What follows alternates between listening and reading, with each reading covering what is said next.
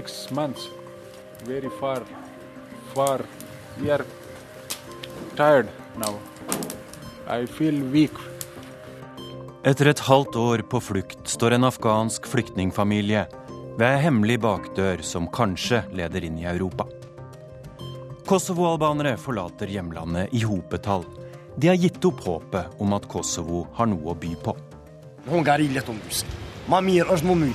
Det kan hende de kommer til å drepe meg i Ungarn. Da skal jeg si til den drep meg, men ikke send meg tilbake til Kosovo. For her er det ingenting. Fortidas folkemord har blitt nåtidas fjernsynsunderholdning. Kambodsja tøyer grensene for hva virkelighets-TV kan være. Og svenskene har lagt seg ut med først Israel og siden Saudi-Arabia i jakten på en ny utenrikspolitikk. Dette er Urix på lørdag. Jeg heter Tore Moland. Vi har hørt om båtflyktningene på Middelhavet og vi har hørt om forsøkene på å vokte Europas yttergrenser. Men de siste månedene har et rykte begynt å gå blant folk på flukt om at langt inne på det europeiske kontinentet så fins det ei hemmelig bakdør til et bedre og tryggere liv. Bli med Urix på lørdag til grensa mellom Ungarn og Serbia. Noen har gått langt og lenger enn langt for å komme seg hit.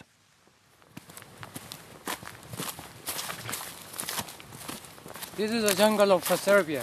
Is the, the name of the jungle is uh, Chiklana. We are here for one week, but tonight we are going. Vi er på vei gjennom serbisk skog. Det er stjernehimmel, kaldt og stummende mørkt. Bare lyset fra den lille lommelykten til Mahmoud gjør det mulig å se noen skritt foran oss. En gruppe afghanere prøver å finne veien til Ungarn.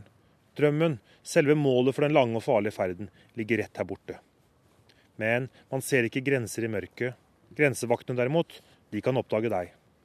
Kommer flyktningene seg over, er de innenfor EU- og Schengen-området og kan bevege seg videre fra land til land uten stor fare for å møte på grensevakter, passkontrollører og politi.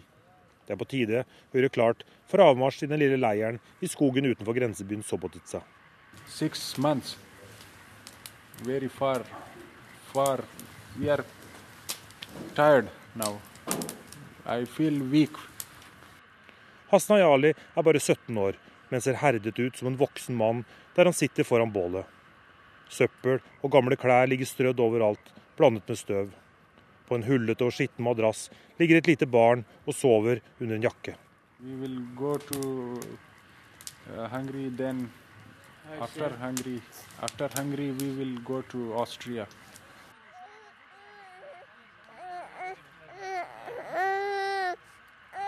Lille Ali Raza på seks måneder har feber og vondt. Det er nok en natt med mange minusgrader her ute. I hele sitt korte liv har hun vært på flukt sammen med familien sin fra Afghanistan. Ali Raza ble født underveis. Nå sitter de rundt bålet og venter på beskjed fra smuglerne for å gå videre.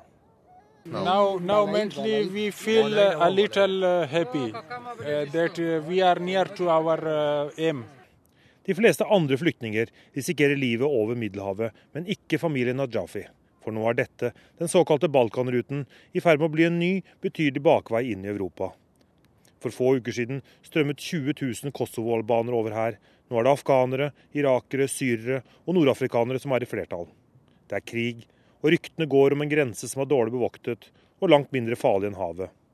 Så bare i år er det ventet 50 000 asylsøkere over denne 180 km lange grensen. 20 mil unna, i Budapest, sitter Erne Simon hos FNs høykommissær for flyktninger og kaller økningen på denne ruten den siste tiden for dramatisk.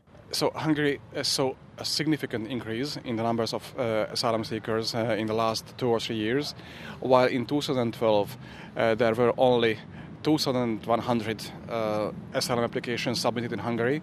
Last year, uh, the number was 42,000, almost 43,000. So uh, the increase was almost 20-fold. Fra 2012 til 2014, på bare to år, har antall asylsøkere i Ungarn eksplodert fra rundt 2000 til 43 000, forteller han. De fleste drar videre. Yeah, and expect that this uh, trend will continue. First of all, because uh, we have new crises uh, and new emergencies all over the world. Foran bålet i skogen klarer ikke 25 år gamle Fatima Najahi å holde tårene tilbake når hun tenker på hva hun og datteren Ghazal på fire år har sett og opplevd. It is very hard for me and for my child. And the weather is cold. Mm, everything is dangerous for us. Fatima gråter hver kveld. De siste ukene har datteren blitt mer og mer taus, mer og mer redd. I seks måneder har familien vært på flukt fra hjemlandet. Gjennom Afghanistan, Iran, Tyrkia, videre til Hellas og opp gjennom Balkan. Noen ganger med buss, men mest til fots gjennom skog, som regel på natten for ikke å bli oppdaget.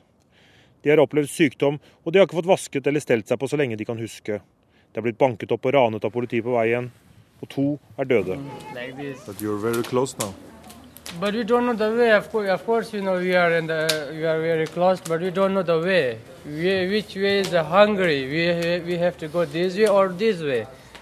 Og det er her menneskesmuglerne kommer inn. Taxisjåfør Marco Jacovecchio forteller om et velorganisert nettverk her i distriktet. De smugler mennesker inn for mellom 1000 og 2000 euro. They, they work very organized. They, um, there's always, you know, people who do the negotiations. Uh, there are people who are them. Who front of the immigrant drivers, so they check if there police. Uh, there are people called walkers. Uh, they're the ones who are uh, taking it through the woods. Klokken går, det drar seg mot midnatt. Ingen lyd fra smuglerne. Det blir nok en natt i skogen. Fatima Najahi er utslått av skuffelse nok en gang. Det er usikkerheten og løgnene fra smuglerne hun synes er verst med hele flukten. Everybody tell lie to us. Tell uh, us tonight you will go, but tell us no, no to tonight. It is very hard. Reporter for Urix på lørdag på grensa mellom Serbia og Ungarn, det var Roy Freddy Andersen. Pål Nesse, du er eh, seniorrådgiver i Flyktninghjelpen, og du vet mye om rutene folk på flukt velger. Er det en ny bakdør til Europa disse flyktningene nå har funnet på grensa mellom Serbia og Ungarn? Ja, det er det. Det er et hull i gjerdet, hvis vi kan kalle det det. Eh, vårt solide gjerde rundt Europa. Og eh, dette er en relativt ny rute. Og den kommer fordi de andre er stengt, og fordi presset på utsiden av Europa er så stort som det er. Ja, Vi hører om folk som har gått til fots fra Afghanistan, kanskje bare på et rykte om dette hullet i gjerdet, som du kaller det. Hva er det som driver fram dette? Det er jo situasjonen i Afghanistan. Og eh, Afghanistan har ikke blitt bedre det siste året. Det er flere som flykter internt, og det er flere som nå forlater landet mot Europa. Og eh, vi ser på statistikken som kom i dag fra EU, at antallet afghanere i, som søker asyl i Europa, det gikk opp i fjor. Og det er nå den nest største gruppen etter syrerne. FNs høykommissær for flyktninger snakker da om at noen få tusen mennesker krysset denne grensa eh, i eh, årene før, mens nå i vinter har det plutselig vært over 1000 om dagen på samme sted. Hva skjer når trykket plutselig kommer på ett sted, et nytt sted? Det skjer at et land som Ungarn nå har fått voldsomt mange nye asylsøkere. Men de fleste vil jo ikke til Ungarn, de vil videre. Og igjen, den aller største gruppen er syrerne. Og eh, så prøver man så godt man kan å tette igjen grensen etter hvert, så vil, tallet vil nok gå ned. Men bakenfor ligger at Europa mangler en god flyktningpolitikk, både i forhold til nærområdene, der hvor flyktningene kommer fra, og det som sender dem på flukt i utgangspunktet, og vi har gjort det såpass vanskelig å ta imot flyktninger i Europa at så snart noen finner et lite hull, ja, så strømmer de til der. Men hva gjør man på et sånt sted? da? Prøver man på en måte både å hjelpe folk i nød og jage dem vekk igjen eh, på samme tid og si at her er det ingenting å hente? Ofte er det det. Og, eh, men det er klart, når du kommer deg inn i Ungarn f.eks., så forsøker man med nødhjelp. Man forsøker å ta dem imot. Det er et ganske dårlig system, men mange gjør så godt de kan. Men bak dette som sagt, ligger at de vil forsøke å komme seg videre, og at målet er å søke beskyttelse. Og for gruppen syrere og afghanere så har de jo et reelt beskyttelsesbehov. Og tidligere i år og på slutten av fjoråret så var det også plutselig veldig mange som krysset akkurat denne grenseovergangen, som kom fra Kosovo. Hva var det som skjedde? I Kosovo har det skjedd eh, tre ting. Over lang tid så har det blitt økt misnøye over politisk korrupsjon og manglende økonomisk utvikling i Kosovo. Så kom det et rykte om at eh, det var mye jobber å få i Europa. Spesielt i Tyskland var det mange som skulle gå av med pensjon. Sånn at eh, det var stor etterspørsel etter mer arbeidskraft. Og så kom det tredje og kanskje viktigste, at Serbia, som har gjort det vanskelig tidligere for folk fra Kosovo å reise inn og gjennom Serbia, de lempet på restriksjonene, og så var det mange flere kosovo-albanere som dro. Vi skal se litt nærmere på akkurat Kosovo, for et sted mellom 50 000 og 100 000 kosovarer har altså forlatt hjemlandet sitt bare siden november. De drar via Serbia, de aller fleste av dem forsøker å krysse akkurat denne grenseposten mot Ungarn for å søke asyl. Kollega Wenche Eriksen har sett litt nærmere på hva de reiser vekk ifra.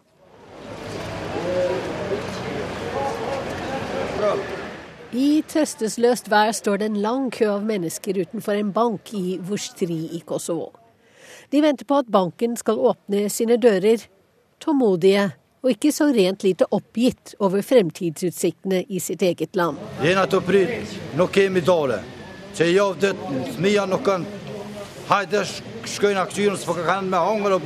Vi venter på trygdepengene våre, sier Basri Ademi og fortsetter.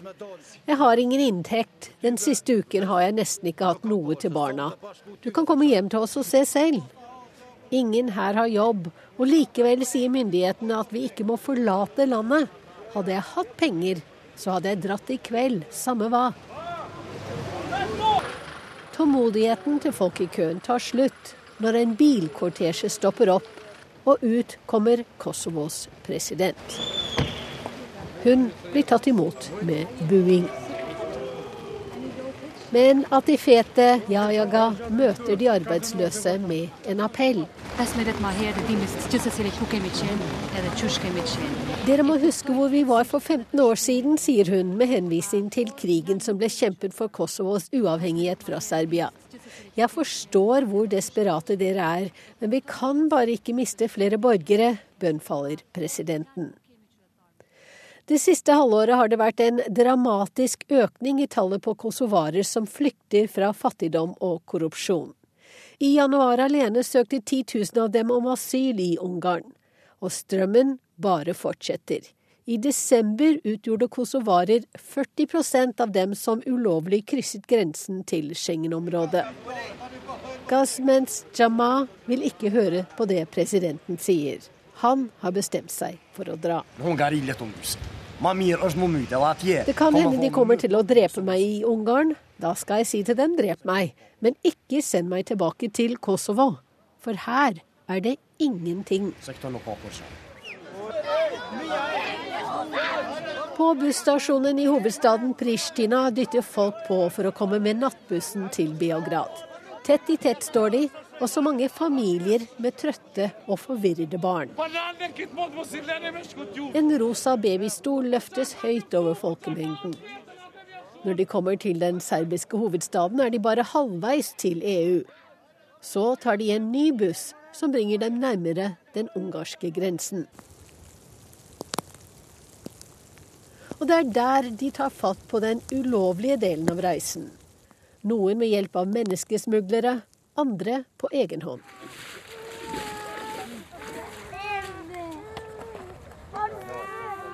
En fembarnsfamilie trasker gjennom en åker og krysser en kanal. At barna er redde, er det ikke vanskelig å forstå. Men foreldrene deres er lettet og forsøker å trøste dem. For nå er de kommet til Ungarn og EU. Vet de at sjansen for å få innvilget asyl er lik null, siden de verken flykter fra forfølgelse eller krig? Tilbake i Kosovo jobber Egson Butici på en byggeplass. Inntil for noen uker siden var planen at han, hans foreldre og fire søsken skulle klatre over et gjerde eller vasse gjennom vann for å komme seg til den serbisk-ungarske grensen. Så skulle de videre til Tyskland og søke asyl. Men så fikk jeg og broren min tilbud om jobb, så nå har vi tenkt å bli her i Kosovo, sier han. Det er jo arbeidsløshet som er vårt største problem. Hadde det vært jobber her, så hadde jo ingen dratt, legger faren Jevat til. Erlend Påske, forsker ved fredsforskningsinstituttet PRIO. Er det først og fremst mangel på jobb som gjør at folk forlater Kosovo? Jeg tror det, det er todelt, iallfall. Det er både mangel på jobb på den ene sida, Eh, og det har jo vært et stabilt fenomen lenge. Det har vært uh, Arbeidsledigheten i, i, Kosovo generelt har vært rundt 50% i nesten et tiår. Um, samtidig så er det også misnøye med systemet, som det ble nevnt i sted. Jeg tror uh, misnøye med korrupsjon og, og vanstyret i Kosovo, uh, som er viktige faktorer her. Du gjorde feltarbeid i Kosovo før jul. Hvilke inntrykk sitter du igjen med? Hvordan vurderer folk framtidsutsiktene sine? Jeg tror det er en generell oppfatning av at eh, det er ikke noe framtid for Kosovo. Jeg tror det er en veldig, veldig utbredt eh, pessimisme. Eh, og lite grunn til å på en måte håpe noe annet. Kosovo har jo gjennomført noen politiske reformer, og EU blant annet, har jo påpekt at det har vært framskritt. Men det er også store strukturelle og sånn systemiske utfordringer som landet står overfor. Det. Og vi må ikke glemme at uh, altså Kosovo er jo en ung stat. Så det, det, har vært en voldsom overgang for Kosovo i å, på en plutselig skulle klare seg på egne bein eh, fra 2008 og utover. Og som det blir nevnt i reportasjen her, eh, Sjansen for å få asyl i EU den må være lik null når man mm. bare flykter fra arbeidsledighet og ikke krig og forfølgelse? Ja, nå er det jo ikke Jeg tror ikke vi skal på en måte automatisk um, Asylmigrasjon handler ofte om mer enn én ting. Da. Det handler ofte om krig og forfølgelse, men også fattigdom og, og um, problemer med, med styre og uh, korrupsjon. Altså det er sammensatt. Jeg tror Sånn sett så, ikke, så kan det være noen, uh, noen tematiske overlapper mellom de afghanerne som ble nevnt tidligere, og kosovarene som reiser nå. Da de, eh, på en måte så, så, drar de fordi de ikke ser noe fremtid. Jeg tror det er på en måte hovedkonklusjonen. Og så hører vi kosovo-albanske myndigheter nærmest bønnfalle folk om å bli. Har det noen effekt?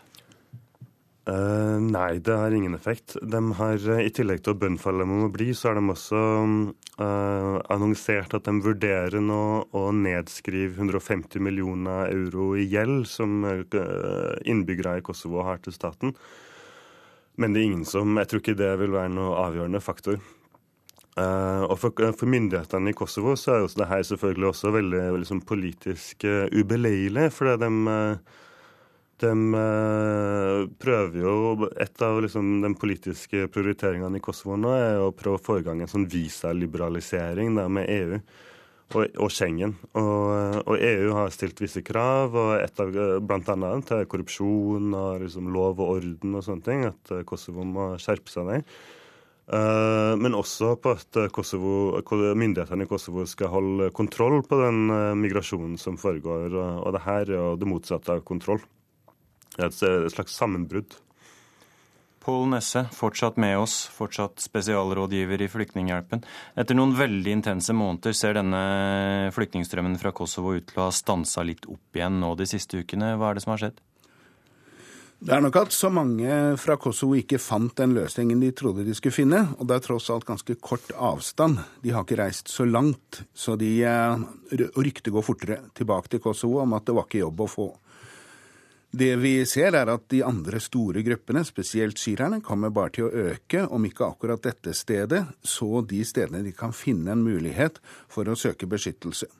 Og historien om eh, familien fra Kandahar i Afghanistan, som har gått åtte måneder på en veldig farefull ferd en slik reise legger man ikke ut på hvis det bare er fordi du trenger en ny jobb.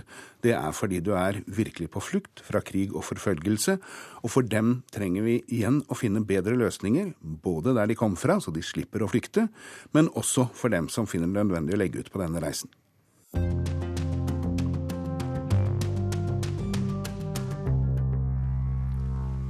Et land som langt på vei er bygd på innvandring, er USA. Og selv om politikerne krangler så busta fyker om immigrantenes framtid, så fortsetter de å komme. I fjor kom en halv million på lovlig vis, enda mange flere uten papirer. Noen lokalsamfunn ser på immigrantene som en kilde til framgang og økonomisk vekst, og du vil kanskje bli overrasket når du nå får høre hvilken by innvandringsbefolkningen vokser aller raskest i.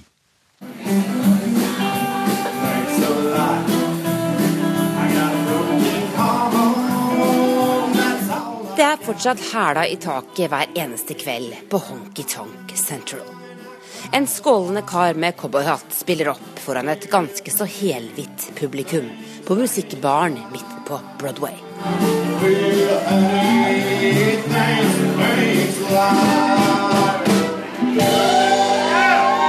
Men under overflaten er det store endringer på gang i byen de fleste fortsatt forbinder med erkeamerikansk musikk. It's just like where, and even friends from Mexico, they keep asking me, where, where, where do you live? Jeg kunne ikke engang si navnet Nashville da jeg kom hit for 15 år siden, forklarer Carla Ruiz. Men mye har skjedd siden. Now, when I talk to them, old friends in Mexico, and I say Nashville, oh my God, are you in Nashville? Everybody knows Nashville. I Mexico vet alle hvor Nashville er nå. For her vokser innvandrerbefolkningen raskere enn i noen annen by i USA. Carla har kommet langt fra den dagen hun sto her uten å snakke et ord engelsk, med en sønn på seks år på slep. Til tross for at hun stadig mangler både visum og grønt kort, driver hun i dag sitt eget cateringselskap. You pay taxes, you have a number for pay taxes, so they allow you to open your business. Du har et nummer slik at du kan betale skatt, og da kan du starte for deg selv, smiler hun. Mens USA venter på lovgivning som skal avgjøre skjebnen til immigranter som Carla, har byer som Nashville tatt skjeen i egen hånd. Her vokser økonomien i rasende fart. Det trengs arbeidskraft, og den må gjerne komme fra utlandet, forklarer borgermester Carl coming here, so here, uh. Also, I think immigrants tend to be more entrepreneurial. They start their own businesses and create uh, actually revenue and, and generate jobs. Han har tatt integrering på alvor og har jevnlige møter med grupper av innvandrere for å få gode råd om hvordan integreringen kan bli bedre. Men det har ikke alltid vært slik, forklarer Stephanie T. Trail, som jobber med innvandrerrettigheter. when immigrants really first started coming in large numbers, our city and residents, there was definitely a response of sort of fear and uncertainty. We saw that through mosque desecrations. We thought, saw that through the English-only law or referendum in 2009. I 2009 ble det holdt folkeavstemning her om å gjøre engelsk til eneste administrasjonsspråk. Forslaget ble nedstemt, og i stedet ble en omfattende prosess satt i gang for å gjøre Nashville til et vennligsinnet sted for nykommere. The response of the people is amazing. They just keep keep filling me with love and I just give them my love back. So I think that's what keeps me. Jeg får så mye kjærlighet fra kundene mine, sier Carla Ruiz. Det er tilgangen på ung og motivert arbeidskraft som Carla som vil øke USAs konkurransekraft i tiårene fremover. The Economist laget temanummer om dette denne uka, og slår fast at i 2050 vil medianalderen i USA bare være 41 år, mens arbeidskraften i Europa og til og med i Kina vil bli stadig eldre. Ja, USA er mulighetenes land, og Nashville er utvilsomt mulighetenes by, mener Fashid Ferdowsi. Han kom hit allerede i 1973 og driver revisjonsfirmaer med flere tusen ansatte. Why do people get assimilated so well here? Because there's opportunities. There's no barrier. They don't say because you're from Iran, we're not going to let you get a business license. We're not going to do business with you. We're not going to promote you. There's no barrier to economic development. So as a result, people get assimilated. People are welcomed. Reporter i Nashville, Tennessee, Tove Bjørgaas. Brasils president Dilma Rousef er i alvorlig trøbbel. Forrige helg gikk over en million brasilianere ut i gatene for å protestere mot henne. Den økonomiske veksten i Brasil har stansa helt opp, og det største selskapet i landet, Petrobras, står midt oppi en korrupsjonsskandale som ingen ende ser ut til å ta. Der var presidenten for sikkerhets skyld også styreleder i en årrekke. Arnt Stefansen har sendt oss denne reportasjen fra Rio de Janeiro. Jeg er på et marked i Rio-bydelen Ipanema, et av Brasils rikeste områder. Her er det ikke lett å finne noen som har noe pent å si om landets president, Dilma Rousseff.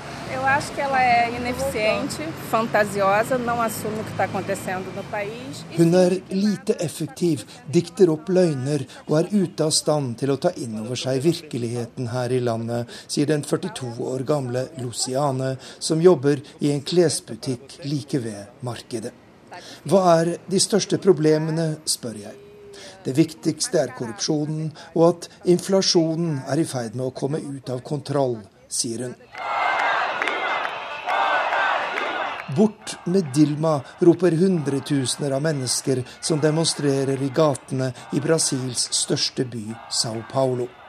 Hatet mot presidenten er nå intenst blant mange brasilianere, spesielt i den rike delen av befolkningen og i demonstrasjonen i Sao Paulo kan vi lese slagord som 'Sett Dilma i fengsel', 'Dilma er korrupsjonens mor' og 'Still presidenten for riksrett'. Blant demonstrantene er den 22 år gamle Sebastian Pereira. Nós estamos aqui porque somos contra a mentira, contra a falsidade. E vi deltar i denne demonstrasjonen fordi vi ikke orker flere løgner og mer tjuveri. President Dilma har ingen vilje til å løse landets problemer. Hun er isolert og redd, og hun kan ikke fortsette å styre landet i hele fire år. Det er helt nødvendig at vi blir kvitt henne, sier 22-åringen. Og enkelte brasilianere tar til orde for en løsning som kaster dystre skygger fra fortiden.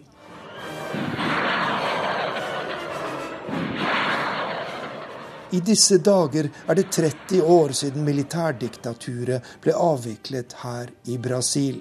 En periode med drap, tortur og andre grove brudd på menneskerettighetene. Dagens president Dilma Rousef var en av dem som ble grusomt torturert av regimet. Men de siste månedene har enkelte her i Brasil stått frem og krevd at de militære fjerner presidenten med makt. Jeg spør folk jeg møter på markedet i Ipanema hva de mener om dette. Nei, nei, det vil vi absolutt ikke, sier sykepleieren Sisi Bernandes. En militær løsning er ikke veien å gå. Vi må fortsette på den demokratiske veien, selv om mange er fryktelig sinte på presidenten og vil bli kvitt Dilma Rousef for enhver pris.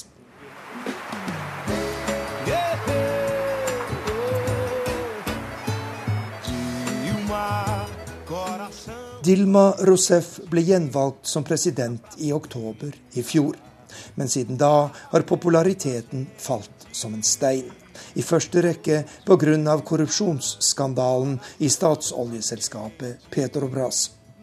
Rousef var styreleder i selskapet i den aktuelle perioden, og svært mange brasilianere tror at hun visste om det som foregikk. Men hun står ikke på lista over mistenkte som Riksadvokaten la frem nylig. Og hun sier hun vil gjøre alt for å finne de skyldige. Nós temos todos aqui absoluta concordância com essa demanda popular vi i regjeringen er fullstendig enige i folkets krav om å finne og straffe de korrupte, og vi vil iverksette nye tiltak for å komme dette onde til livs. Korrupsjonen er dessverre dypt rotfestet i det brasilianske samfunnet. Den finnes i alle politiske leire og i alle områder av samfunnet. Derfor er den så vanskelig å komme til livs, sier president Dilma Rousef. Leo Doria, du er brasilianer i Norge og driver nettstedet Heia Brasil. Det er veldig få brasilianere som sier Heia Dilma akkurat nå? Ja, det stemmer. Det er noe som har skjedd, eh, eller noe som vi ser nå veldig sterkt i Brasil. Det er den misnøye mot eh, Dilma og Dilmas regjering. 62% av brasilianerne beskriver nå styret av landet som enten dårlig eller direkte elendig. Hvorfor? Mm. Jeg tror at det, Mye av den misnøyen og så mye av de resultatene som, som viser at Dilmas popularitet er gått veldig lavt, det er da det, den følelsen om at PT og regjeringen ikke svarer bra nok på de utfordringene som vi ser nå, som går på både eh, økonomi og sånn politisk rot i Brasil, og ikke minst den store skandalen i Petrobras. Torkjell Leira, norsk Brasil-kjenner og med oss nå fra Joao Pessoa nordøst i Brasil. Du har vært ute i disse gatedemonstrasjonene, og du mener de er annerledes nå enn hva Brasil har opplevd de siste årene. Hvordan det? Jeg var i storbyen Belém i Nord-Brasil her på søndag og deltok i demonstrasjonene der for å protestere mot korrupsjonen. Også for å, for å, prøve å finne ut hvem var i gata nå, og hvorfor ville de være der. Og Det som er nytt, det er at nå er det den politiske høyresida som mobiliserer. Og det er også den øvre middelklassen som var i gatene stort sett. Og det er veldig forskjellig fra de spontane demonstrasjonene som Brasil gikk gjennom i juni i 2013.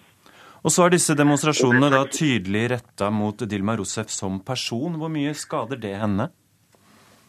Nei, Det er klart det er veldig skadelig. Det er i sted at så mange er misfornøyd med, med Dilma sitt styre. At det da er kanskje en million i gata. Det er selvfølgelig veldig skadelig for presidenten, for hennes parti PT og for hennes regjering. Og Det som også er helt nytt med den demonstrasjonen vi så på søndag, det er at for første gang på 50 år i Brasil så er det høyresida altså, som klarer å mobilisere store massene. Så Brasil går inn i en helt ny politisk situasjon akkurat nå. Torkjell Leira med oss på en litt dårlig telefonlinje fra Joao Pessoa nordøst i Brasil der. Eh, og Leo Doria, eh, det nevnes paralleller til eh, for 50 år siden, og vi hørte Arnt Stefansen snakke om at enkelte snakker om at militæret må gå inn og mm. avsette Dilma Rousef. Er det sannsynlig vei videre? Nei, jeg tror ikke det er sannsynlig. Det er noe som man må selvfølgelig uh, se på og tenke på at det er en del personer som ønsker det. Men jeg tror samtidig at det er noe som blir blåst opp. Uh, det kommer alltid til å være noen som ønsker noe annet. Og der er det hvordan media og kanskje også situasjonen eh, håndterer, eller hvordan de velger å formidle det videre. Eh, jeg har snakket med noen venner i Brasil, og de sier at ja, det var folk som gikk ut på gatene for å be om at militærene kommer tilbake til makten. Men det de sa, det var at for en person som sier ja, vi vil det, så er det i hvert fall tusen som sier nei, vi vil ikke det. Men hva er alternativene, da? Man har ikke, normal, eh, man har ikke parlamentarisme på den måten mm. vi kjenner det fra Norge i Brasil. Sånn at, eh, at eh, presidenten kan kastes mm. i parlamentet er vel mm. usannsynlig. Og det har også vært snakket om riksrett? Ja, det, akkurat nå så er det veldig usannsynlig. Brasilianske grunnloven den tillater ikke at presidenten skal bli etterforsket for noe som har blitt gjort utenfor presidentens eh, embet. Så hvis det blir sånn at, eh, at det viser seg at, eh, at Dilma har gjort noe uh, utenfor sin, sin verv som president, så kan hun ikke bli tatt for det nå. Og så er det denne korrupsjonsskandalen i Petrobras kort til slutt, Leo Doria. Hun satt som styreleder der i sju-åtte mm. år. Eh, kan hun ha vært styreleder så lenge uten å vite om denne korrupsjonskulturen? Jeg tror det er det som er det største spørsmålet. Eh, la oss si at hun ikke visste om det, men hun satt da som, som styreleder, og hun hadde den fullmakten og så den godkjenning eh, av regnskap, f.eks. Så hvis hun ikke visste om det, hvordan kan hun overse det store tappet? Så det er det som er et stort spørsmål der. Takk til Leo Doria og Torkjell Leira.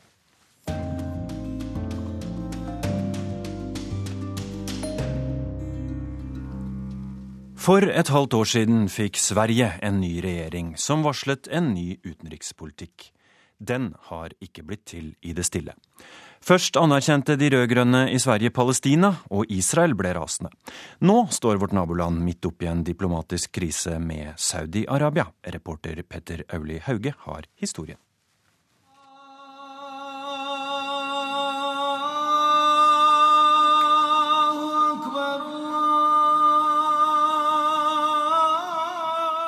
Jeg angrer ikke hva jeg har sagt. Jeg står for hva jeg har sagt om demokrati og menneskelige rettigheter og kvinners eh, rettigheter. Eh, og, eh, og så er det med den saken. Jeg tycker självfallet at det er tråkigt og Margot Wallström ble jo inbjuden som hedersgäst og det er självfallet tråkigt at det, att det blir innstilt. Hun var hedersgjesten som ble persona non grata For knappe to uker siden satt Margot Wallstrøm på hotellrommet i Kairo og finpusset på talen hun skulle holde for Den arabiske liga. Den svenske utenriksministeren var spesielt invitert. Besøket var ment som en slags kroning av Sveriges beslutning om å anerkjenne Palestina som stat. Men allerede før møtet kom i gang, ble den svenske ministeren i stedet fornærmet av araberverdenens mektigste land. Saudi-Arabia stoppet Wallströms tale. Jeg har svart positivt på en innbjudan. Jeg er redo og hadde forstås sett mye fram mot å få, få just prate om alt ifra kvinnors rettigheter og muligheter til hvordan vi bekjemper terrorismen gemensamt. Så att, eh, det er klart at, at det hadde jeg, jeg helst av alt villet gjøre.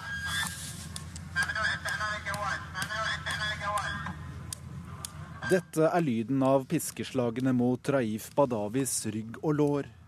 Den saudiarabiske bloggeren er dømt til ti års fengsel og 1000 piskeslag. Saken mot ham har vakt oppsikt verden over. Margot Wallstrøm er kanskje den myndighetspersonen som har gått lengst i sin kritikk.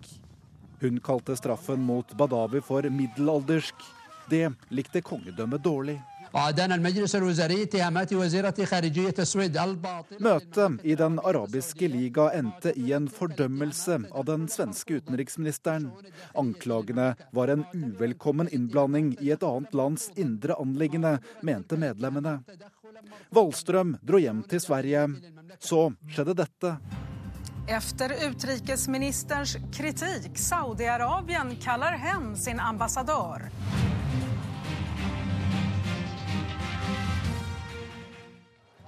Hvordan kjennes det? Kjennes veldig bra. Det er bra. Vi skrur tiden et halvt år tilbake.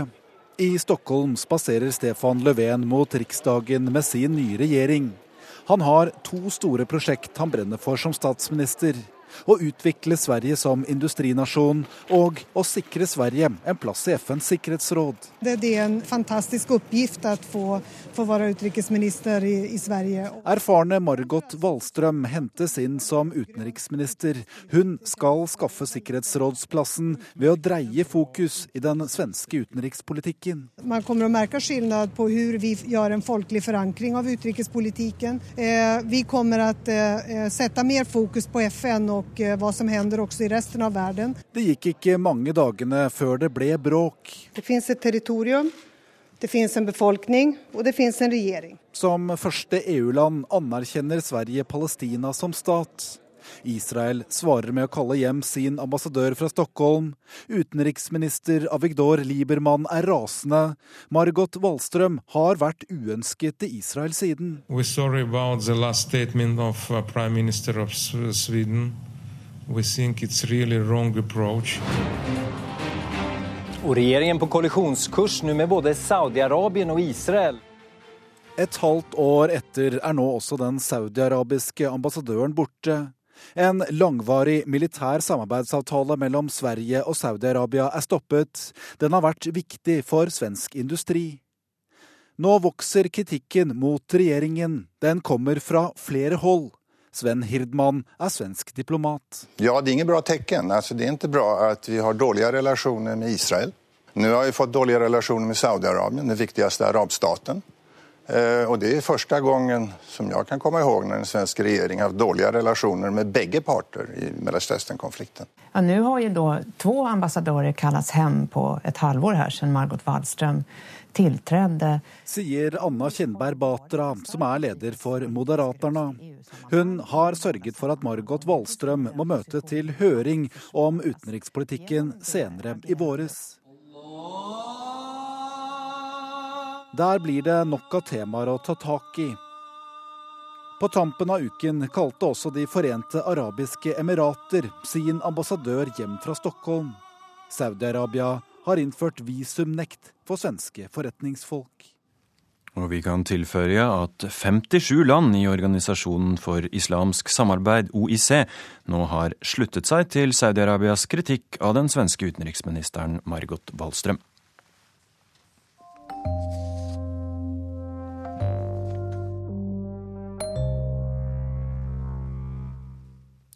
Tore Strømøy, hvis du hører på nå, kan du sette deg ned og ta deg en bolle. For maken til gjenforening som den du kan se på TV i Kambodsja om dagen, det skal du leite lenge etter. Det er skrekkregimet til Pol Pot og Røde, Røde Khmer på 1970-tallet som tøyer grensene for hva reality-TV egentlig kan handle om. De sitter på kne, holder rundt hverandre og gråter. Tre mennesker som nettopp har møtt hverandre igjen etter 40 år. De deltar i TV-programmet som har satt seg fore å gjenforene familiemedlemmer som ble skilt fra hverandre da Røde Khmer tok makten i Kambodsja i 1975. Det er ingen drøm, heter programmet som siden 2010 har gått på lufta én gang i måneden. Nesten 50 familier er blitt gjenforent til nå, til tonene av smektende musikk. Men bakteppet er krig og død. Da kommunistpartiet Røde Khmer fikk makten i 1975, startet et redselsregime i Kambodsja. I de snaut fire årene Røde Khmer-lederen Pol Pot satt ved makten, døde rundt 1,7 millioner mennesker av en befolkning på mellom 7 og 8 millioner. Etter hvert ble flere og flere detaljer kjent. På en av dødsmarkene på landet dit byfolk og intellektuelle ble tvangssendt, er det siden reist et minnesmerke, et høyst virkelig uttrykk for folkemordbeskyldningen mot Pol Pots regime. Og minnesmerket kollega Håkon Børde snakker om, er en enorm samling med hodeskaller. Bilder av ofre for regimets tortur henger på veggene i et av torturkamrene fra den gang. Pol Pots mål var et bondesamfunn fritt for vestlig påvirkning. De som bodde i byene, ble samlet i arbeidskollektiv på landsbygda. Der endte Sam Somali, som bare var en ung jente den gangen. Nå har hun kommet tilbake til hovedstaden Phnom Penh for første gang siden hun ble tvunget derfra. Familien har hun ikke sett siden. Den siste utveien er TV-programmet Det er ingen drøm. Somali håper og tror at TV-programmet kan føre til at hun finner familie i live etter 40 år.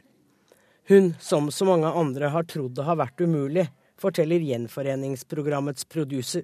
They stopped dreaming.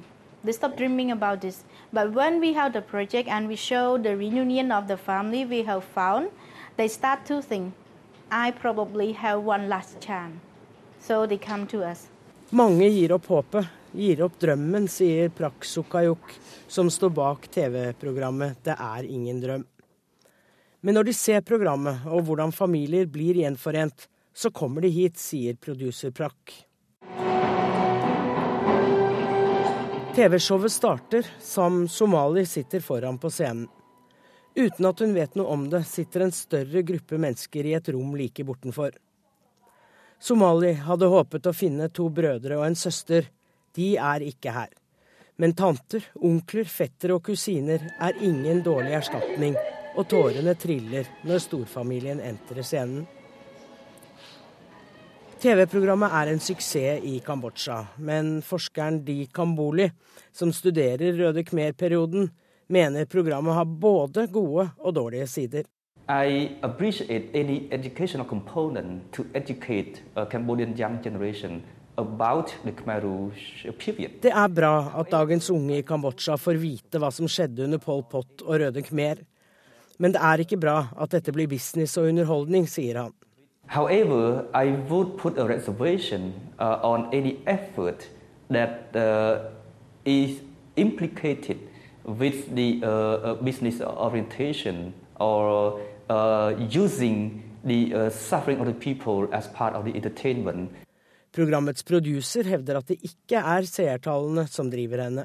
We don't want to be uh, the most famous TV program. We don't care that.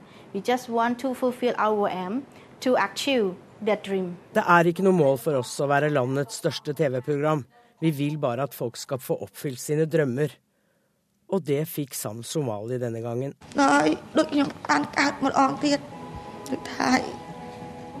Dette er som å bli født på nytt. Når jeg nå har møtt mine foreldres slekt etter 40 år, er det som å få livet i gave igjen, sier Sam Somali. Det var kollega Anette Groth som hadde sett nærmere på hva som går på kambodsjansk fjernsyn for tida.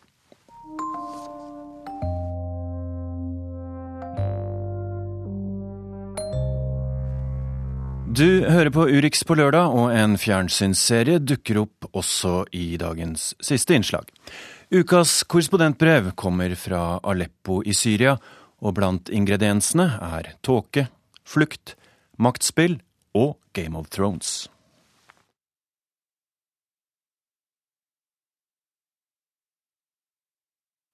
Det var tidlig morgen i Aleppo. Tåken lå tykt over byen, og en rå, fuktig kulde forsøkte å jage vekk den svake kroppsvarmen en kopp te hadde gitt meg. Det var avreisedag. Vi pakket bilen i stillhet og kjørte ut av byen. Forbi teltleirene, forbi de utbombede kjempeblokkene i Saladin-bydelen med sine lange, rette gater. Menneskets forsøk på å organisere seg og drive byplanlegging var overlatt kaoskreftene. I enden av hver gate hang enorme, oppspente plastlerret. De blafret som seil, men sa ingenting om reiser, om bevegelse. De var sperren, slutten på myndighetskontrollert område og begynnelsen på opprørernes, eller omvendt. De hang der for å hindre sikten til snikskytterne, og jeg hadde besøkt denne bydelen noen dager før og sett barna leke foran lerretene, vel vitende om at de ikke var nok. Snikskytterne fant som oftest en åpning og en liten jente hadde sagt med selvfølgelig mine at en av hennes venner en gang hadde blitt skutt, og når noe skjedde, løp de bare inn til veggen og gjemte seg der. Jeg kunne ikke se om det var noen barn som lekte nå, men gjennom tåkedisen så jeg i en rundkjøring før vi bega oss ut på landsbygda, en statue av tidligere president Hafez al-Assad til hest. Den statuen har stått der lenge.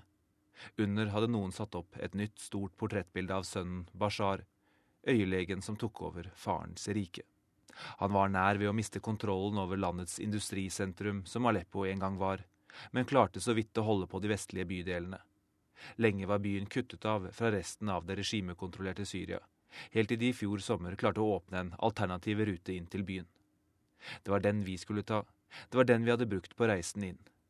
Det er en smal og humpete landevei som går forbi en saltsjø og videre gjennom ørkenen, før den tar seg gjennom utkanten av Homs og inn på hovedveien, som myndighetene fortsatt kontrollerer. Tåken lå tykk som skitten bomull rundt oss. Vi kjørte sakte, nesten prøvende. På vei ut tok vi feil i et veikryss, og plutselig forsvant all trafikken, og en soldat kom ruslende og fortalte at denne veien ledet til en militærbase og videre lenger ned til opprørerne. Vi snudde. Jeg vet ikke om det var hesten med presidentstatuen med Hafez som fikk meg til å tenke på det, eller det grågrønne landskapet, de utbommede og ødelagte landsbyene og tåken rundt meg, den tette tåken som ikke ville lette. Men i hvert fall ble jeg sittende og tenke på en samtale jeg hadde hatt med en kvinne som jobber for regimet. En samtale som jeg heller ikke vet om hun eller jeg begynte, men som handlet om TV-serien Game of Thrones. En kitschy, middelalderinspirert fantasihistorie som sendes på en amerikansk, men nå internasjonalt tilgjengelig TV-kanal, og som jeg har sneket meg til å se på. Alltid med et stykke av skam for å la meg henrive av de stereotype fortellingene og alle sexscenene som for ikke lenge siden ville stått tildekket i hyller på Narvesen under kategorien mykporno. Snart begynner sesong fem, og jeg skal vel smugkikke på den også. Men vi snakket om seriens begynnelse. Serien er en slags voldelig såpeopera om maktspillet rundt rike Vesterås. Det kontrolleres av den korrupte og maktgriske Lannister-familien, hvis eneste mål er å holde seg på tronen, koste hva det koste vil. Og det hele begynner med hvordan den gode Ned Stark, leder av nordområdene, blir dratt inn i dette maktspillet, og til slutt blir satt sjakkmatt trass sine gode hensikter, og hans hode ender på en stake ved byportene. Hans familie må rømme eller tas til fange, og deretter kjempe for livet. Vestlige TV-seere får åpenbart ikke nok av rått maktspill på TV, enten det er i ridderformat eller de har på seg moderne skreddersydde dresser. Om det peker mot en mørk framtid eller bare er eskapisme, får være tema for andre. Det er sikkert noe den slovenske filosofen Slavoj Zizek allerede har skrevet om.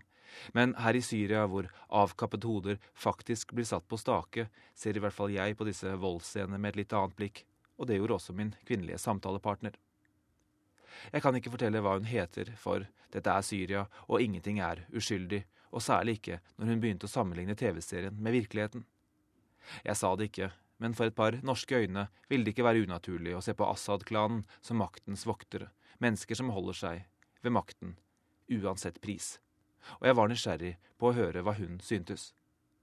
Det tok litt tid før hun torde si hva hun tenkte, og hun insisterte på at dette ikke var ment for offentligheten. Derfor kan jeg heller ikke si hva hun heter, uten at jeg helt skjønner hvorfor det er så farlig, for hun mente at Hafez nok var som Ned Stark, en god mann som kom fra nord for å gjøre godt for sitt folk, mens de kyniske maktspillerne, det var Vesten. For henne har Assad-familien vært en beskytter, men også en døråpner. Hun er alawit, som også al-Assad er, altså tilhørende den minoriteten som i stor grad styrer landet. De er langt fra de eneste som fortsatt støtter regimet. Mange andre tilhørende minoriteter, og også flere sunnimuslimer, gjør det av forskjellige årsaker, men alawittene er regimets kjerne, de mest trofaste. Det er en gruppe som etter å ha vært undertrykket og behandlet som annenklasses borgere i århundrer, plutselig rykket opp i maktsfæren i de urolige tidene som fulgte av koloniseringen. Hennes bestefar hadde, som mange alawitter, vært soldat for franskmennene, og det var gjennom hæren Hafez kuppet makten og beholdt den fra 1970. Syriakrigen nå kan på ingen måte reduseres til en etnisk og religiøs konflikt, men det er en viktig del av den, og hun fortalte at i henhold til deres bøker, bøker og skrifter som holdes hemmelige for alle andre enn de innvidde, var det spådd at det skulle komme en krig, en stor krig, i 2011. Der verden så et opprør mot en tyrann, så hun noe helt annet nemlig et forsøk på å styrte hennes folk og dra de ned dit de kom fra. Og krigen, den har rammet dem hardt. Hun fortalte om kvinner som ble tatt som sexslaver fra landsbyer, og om familiemedlemmer som var kappet hodet av, om krigsfanger som måtte grave underjordiske ganger som opprørsgruppene deretter brukte til å angripe regimet. Hun spurte om jeg ville se bilder av de halshuggede slektningene. Jeg sa høflig nei, jeg trengte ikke det. Jeg foretrekker fiksjonsvolden framfor snøff-videoene. Fiksjon kan jeg holde på en viss avstand, men ikke disse videoene. Og det er nettopp det alle de stridende partene vet. Det er derfor de tar disse bildene, av hverandre, av motstandere, av offer, av mulige offer, som trusler eller som bevis på utførte overgrep. Ingen har perfeksjonert dette, som den sist ankomne av gruppene i den syriske borgerkrigen, nemlig IS. Deres voldssider er nøye dissekert og analysert, men forsvare oss mot dem, det er umulig. De trenger inn i underbevisstheten, de øver vold mot sansene og er umulig å glemme. For min del rammer bildene av journalister i oransje drakter hardest. For minoriteter her i Midtøsten er det bildene av de 21 kristne egypterne på stranda i Libya. For middelklassen i nabolandene den jordanske piloten i jernburet. De fleste familier har en slektning i militæret. Hvis frykten noensinne var et våpen, så er den det nå. Og det var på grensen til deres territorium vi kjørte. Akkurat hvor langt unna de var, det vet jeg ikke, og håpte vel at eieren av kafeen vi stoppet på, bare forsøkte å skremme oss da han sa de var noen kilometer unna. Jeg trengte uansett ikke høre noe slikt for å føle frykten, for å kjenne på den ukontrollerbare følelsen av å være i fare. Det holdt å sitte i bilen og se veiskiltene lede mot Raqqa, deres hovedsete. Jeg visste vi skulle svinge av i god tid før det, men å sitte i bilen og se skiltene fortelle at byen kom nærmere og nærmere, var nok. Jeg husker hvordan jeg kikket på gresstråene i veikanten, hvordan jeg med ett så hvert eneste gresstrå så tydelig så skarpt og vakkert som jeg aldri før hadde gjort. Frykten gjør oss alle til poeter. Et sekund eller to før det forsvinner, og igjen er bare landeveien og vissheten om at hvis det går galt nå, så går det fryktelig galt. Trass IS' sofistikerte og brutale bruk av disse videoene, har de på ingen måte fryktens monopol her i Syria. Hva voldsbruk angår, står ikke regimet eller de andre opprørsgruppene langt tilbake, og regimet selv brukte frykten for torturkamrene som et effektivt våpen helt til demningene brast den våren 2011. I tillegg til torturkamrene har de luftvåpen og artilleri som rammer sivile og motstandere ustanselig, og aldri har det stått så tydelig for meg som da vi til slutt ankom Homs etter et par-tre timer på veien og fikk tillatelse til å dra inn i sentrum av byen, som myndighetene hadde tatt over fra opprørerne etter først å ha beleiret, bombet og sultet dem ut. Gate etter gate, bygg etter bygg lå ødelagt i bydelen Khaldie.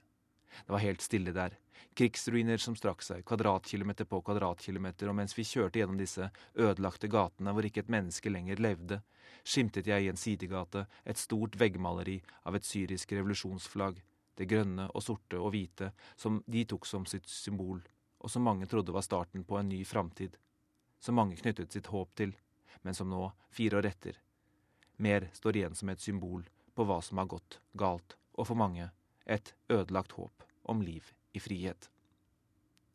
Når man reiser gjennom ødelagte områder, steder hvor krigen har herjet, men ikke lenger raser, kan den lett få et uvirkelig skjær over seg, nesten mytologisk. Jeg tror det er en forsvarsmekanisme, at man fortrenger voldsomheten i det som har hendt. Og så leter man etter forklaringer, etter modeller, og da kommer grunnfortellingene fram i oss, om godhet og ondskap, også de andre, helter og skurker. Fortellinger som ligger som grunnrammer for våre liv, og som dagens godt betalte TV-skapere plyndrer for å underholde oss, eller som politiske ledere bruker til eget formål, enten de sitter i Damaskus eller Raqqa. Men Syriakrigen er ingen fortelling om tåke eller mystikk. Det er en historie om mennesker i nød.